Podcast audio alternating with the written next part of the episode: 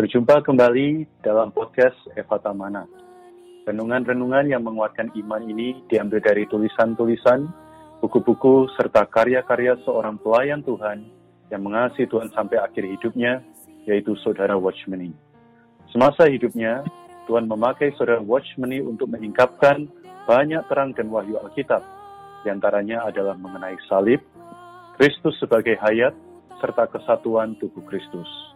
Kami berharap melalui kehadiran podcast Renungan Eva Talmana ini, khususnya di masa pandemi wabah virus hari ini, kami dapat menghibur dan menguatkan iman saudara-saudari sekalian.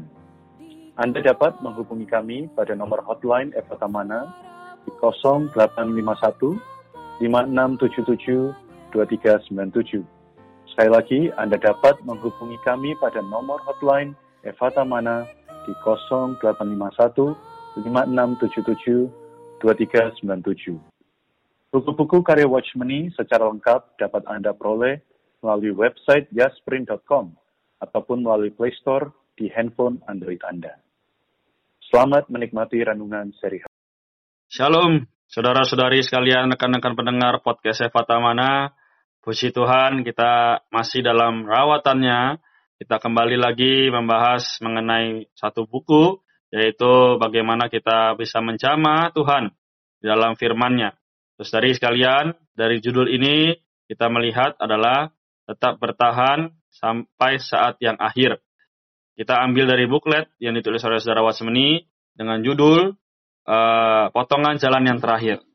Hari ini saya dengan saudara Irfan akan membahas mengenai judul yang tadi saya katakan tetap bertahan sampai saat yang akhir. Dari ayatnya sendiri berkata, Filipi 4 ayat 13. Segala perkara dapat kutanggung di dalam dia yang memberi kekuatan kepadaku. Puji Tuhan, bagaimana saudara Irfan dari judul dan ayat ini? Ya, puji Tuhan. Shalom semuanya. Kita bisa melihat dalam firman Tuhan ini bahwa dalam kehidupan kita kita perlu ada di dalam dia. Jadi kata di dalam dia di dalam Filipi 4 ayat 13 ini ya tentu adalah di dalam Kristus. Dalam kehidupan kita sebagai orang Kristen, kita akan menghadapi banyak sekali perkara. Ya. Melalui ayat ini, ayat ini menguatkan kita semua, khususnya di masa pandemi ini ya. Perkara ini, perkara pandemi ini, kiranya bisa kita tanggung di dalam Kristus.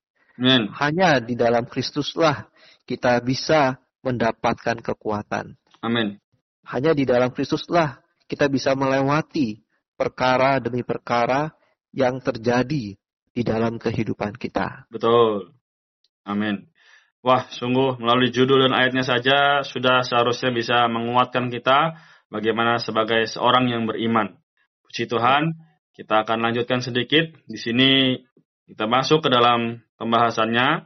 Katakan, jika kita kembali melihat kisah di dalam Markus pasal 6, kita pasti setuju bahwa setiap orang beriman pasti merasakan perkara yang sama, yaitu mendayung dengan payah melawan angin sakal.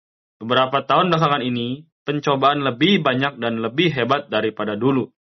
Orang-orang milik Tuhan sepertinya banyak perkara, tubuh sering lemah, keluarga mereka banyak urusan, banyak kesulitan.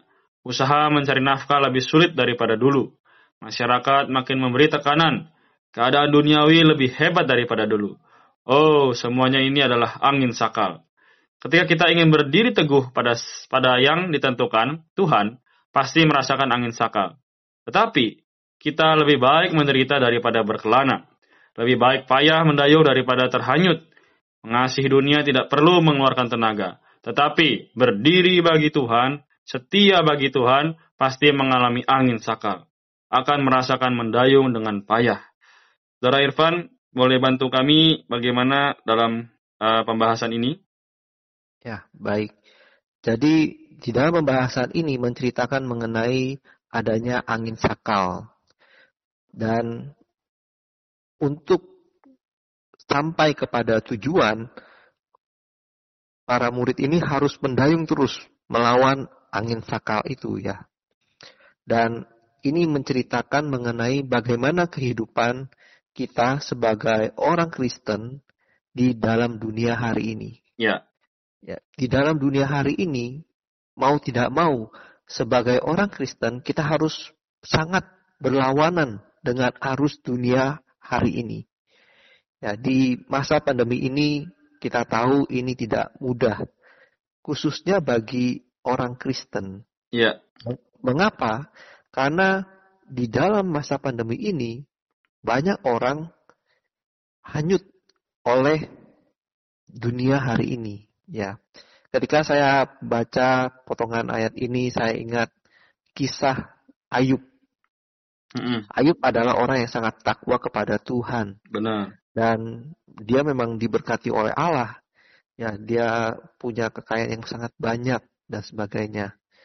Lalu dari kisah ini saya melihat bahwa anak-anak Ayub itu sangat-sangat berlawanan dengan Ayub dalam Betul. arti mereka mengadakan pesta pora, mereka menggunakan kekayaan ayahnya dan sebagainya dan saat itu Alkitab mencatat saat itulah iblis memberitahu kepada Allah untuk diberi kesempatan mencobai Ayub Ya. dan dari cerita ini eh, saya melihat hari ini banyak orang Kristen dicobai oleh si iblis ini. Dalam arti di masa pandemi ini bisa saja kita hanyut oleh arus dunia hari ini. Betul. Seperti anak-anaknya Ayub menghadapi banyak hal dan sebagainya dan ada juga yang mengalami penderitaan seperti Ayub ini. Hmm. Wah, sangat-sangat menyedihkan ya. Keluarga mungkin ada masalah dan sebagainya. Namun di akhir dari kitab Ayub kita bisa melihat Ayub bisa bersaksi di atas semua penderitaan yang dia alami. Justru dia dibawa bukan hanya menempuh kehidupan yang beribadah, yang baik, melainkan dia benar-benar melihat Allah Betul. dia bertahan dan Allah akhirnya memberkati dia. Jadi eh, seperti di dalam kitab Lukas pasal 21 ayat 34. Di sana dikatakan jagalah dirimu Amin. supaya hatimu jangan dibebani oleh pesta pora dan kemabukan Hmm. serta kekhawatiran hidup sehari-hari dan supaya hari Tuhan jangan dengan tiba-tiba jatuh ke atas dirimu seperti suatu jerat. Ya. Jadi hari ini dunia bisa saja menghanyutkan kita. Saya punya anak ya kan, eh, selama ini pandemi di rumah, wah bisa terhanyut oleh dunia hari ini ya. Eh, Bisa nonton terus, bisa main game terus, Hmm. ya kan dan sebagainya. Eh, Saya melayani mahasiswa, wah mereka suka di belajar di rumah online, melainkan ada kecenderungan banyak yang saya layani ini, wah main game Aduh. sampai subuh-subuh. Ya. Eh, Aduh. mereka tanpa terasa ya mereka terhanyut oleh hari ini. Hmm. Dan pertanyaannya adalah ketika Tuhan nanti datang kembali, Hmm. mereka akan terjerat. Ya Hmm. kan? Mereka akan, wah ternyata selama ini mereka diisi oleh dunia saat ini dan Oh. akhirnya eh, mereka kehilangan nyawa mereka dan Hmm. sebagainya. Jadi eh, cerita-cerita ini kiranya bisa mengingatkan kita dan menguatkan kita. Hmm. Kita perlu menjadi orang Kristen yang di dalam masa-masa ini bertahan.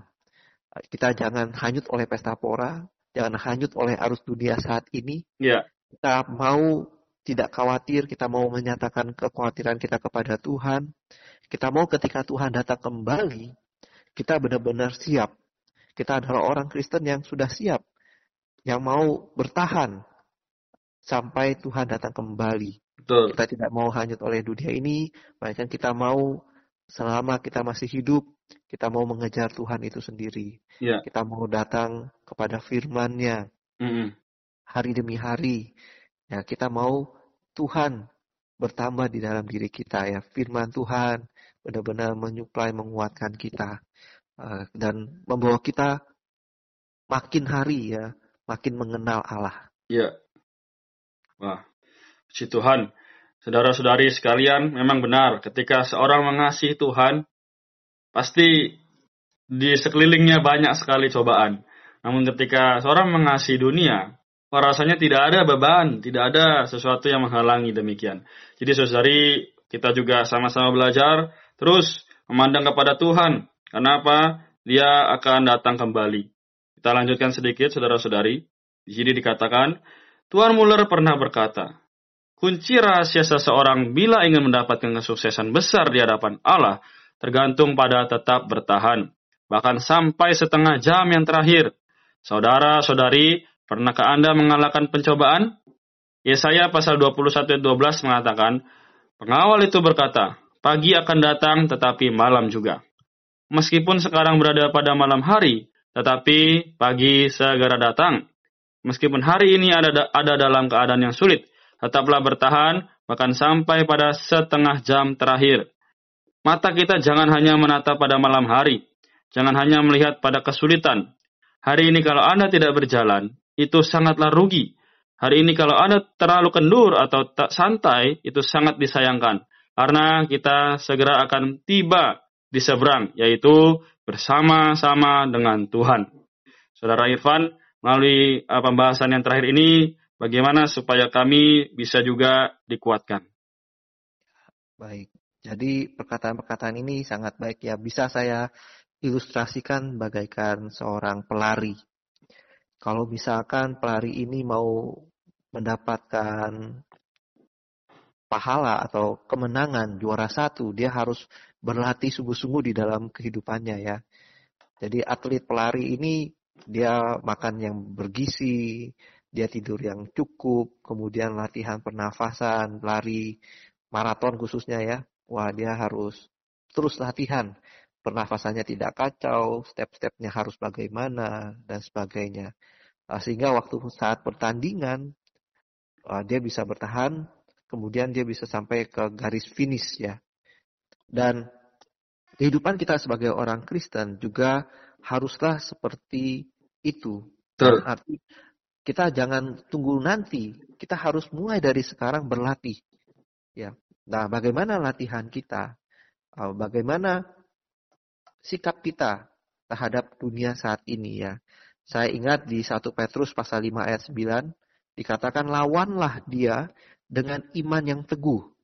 Sebab kamu tahu bahwa semua saudara seimanmu di seluruh dunia menanggung penderitaan yang sama. Betul. Jadi hari ini iblis ingin menganiaya, ingin membuat kita menderita. Dan semua orang beriman juga akan mengalami hal yang sama. Dan saat itu apakah yang dibutuhkan?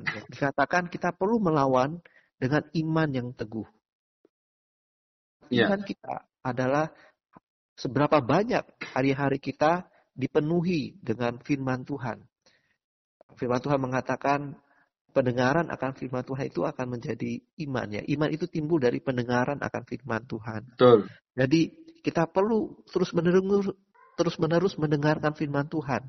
Kita membaca firman Tuhan, kemudian kita doakan itu. Nah, itu akan menjadi iman di dalam diri kita. Kita percaya dan kita melawan dengan teguh. Kita mau misalkan kita kita dalam kehidupan kita kita khawatir, kita mau kita ingat firman Tuhan. Wah, serahkanlah kekhawatiranmu kepada Tuhan. Amin. Sebab ia memelihara kamu. Nah, Betul. Nah, firman Tuhan inilah yang akan menguatkan dan kita akan melawan perkataan-perkataan negatif dari si musuh. Ya, saya beberapa belakangan ini saya juga sering searching uh, searching-searching di internet dan sebagainya ya. Banyak kabar, berita, oh orang hari ini sering bunuh diri. Hmm. Dan Kenapa mereka bunuh diri? Karena mereka tidak tahu tujuan hidup mereka. Yeah. Nah, kita sebagai orang Kristen harus tahu tujuan kita. Pelari itu tahu tujuannya, dia harus mencapai garis akhir. Hmm. Kalau dia sudah sampai akhir, wah mereka akan mendapatkan hadiah, ya kan? akan mendapatkan piala dan sebagainya. Kita orang Kristen ada ujungnya, ada akhirnya. Apakah itu? Ujungnya adalah kemuliaan. Ya, di Roma 18 ayat 18 dikatakan, sebab aku yakin bahwa penderitaan zaman sekarang ini tidak dapat dibandingkan dengan kemuliaan yang akan dinyatakan kepada kita. Yeah. Jadi hari ini kita boleh menderita, tapi kita tetap ber perlu bertahan. Kita mau firman Tuhan itu memimpin menguatkan kita menjadi iman kita. Betul. Kita lawan perkataan si musuh itu dengan iman kita, dengan firman Tuhan. Dan kelak ketika Tuhan datang kembali, kalau kita setia bertahan, kita akan mendapatkan kemuliaan yang berasal daripada Tuhan. Jadi eh, hari ini kita perlu menjadi orang Kristen yang tetap teguh di hadapan Tuhan. Kita mau setiap hari kita kita datang kepada firman, kemudian eh, kita tahu sasaran kita adalah mendapatkan kemuliaan, pahala di depan. Bertahanlah eh, sampai Tuhan datang kembali. Amin. Tubuh sangat memberkati, juga sangat menguatkan kita seharusnya saudara-saudari pendengar. Semoga setiap apa yang kita kerjakan hari ini, kita terus bertahan. Tapi jangan sampai lupa, kita bertahan karena apa? Dia menguatkan kita. Jadi, baiklah hari ini kita menutup dengan doa.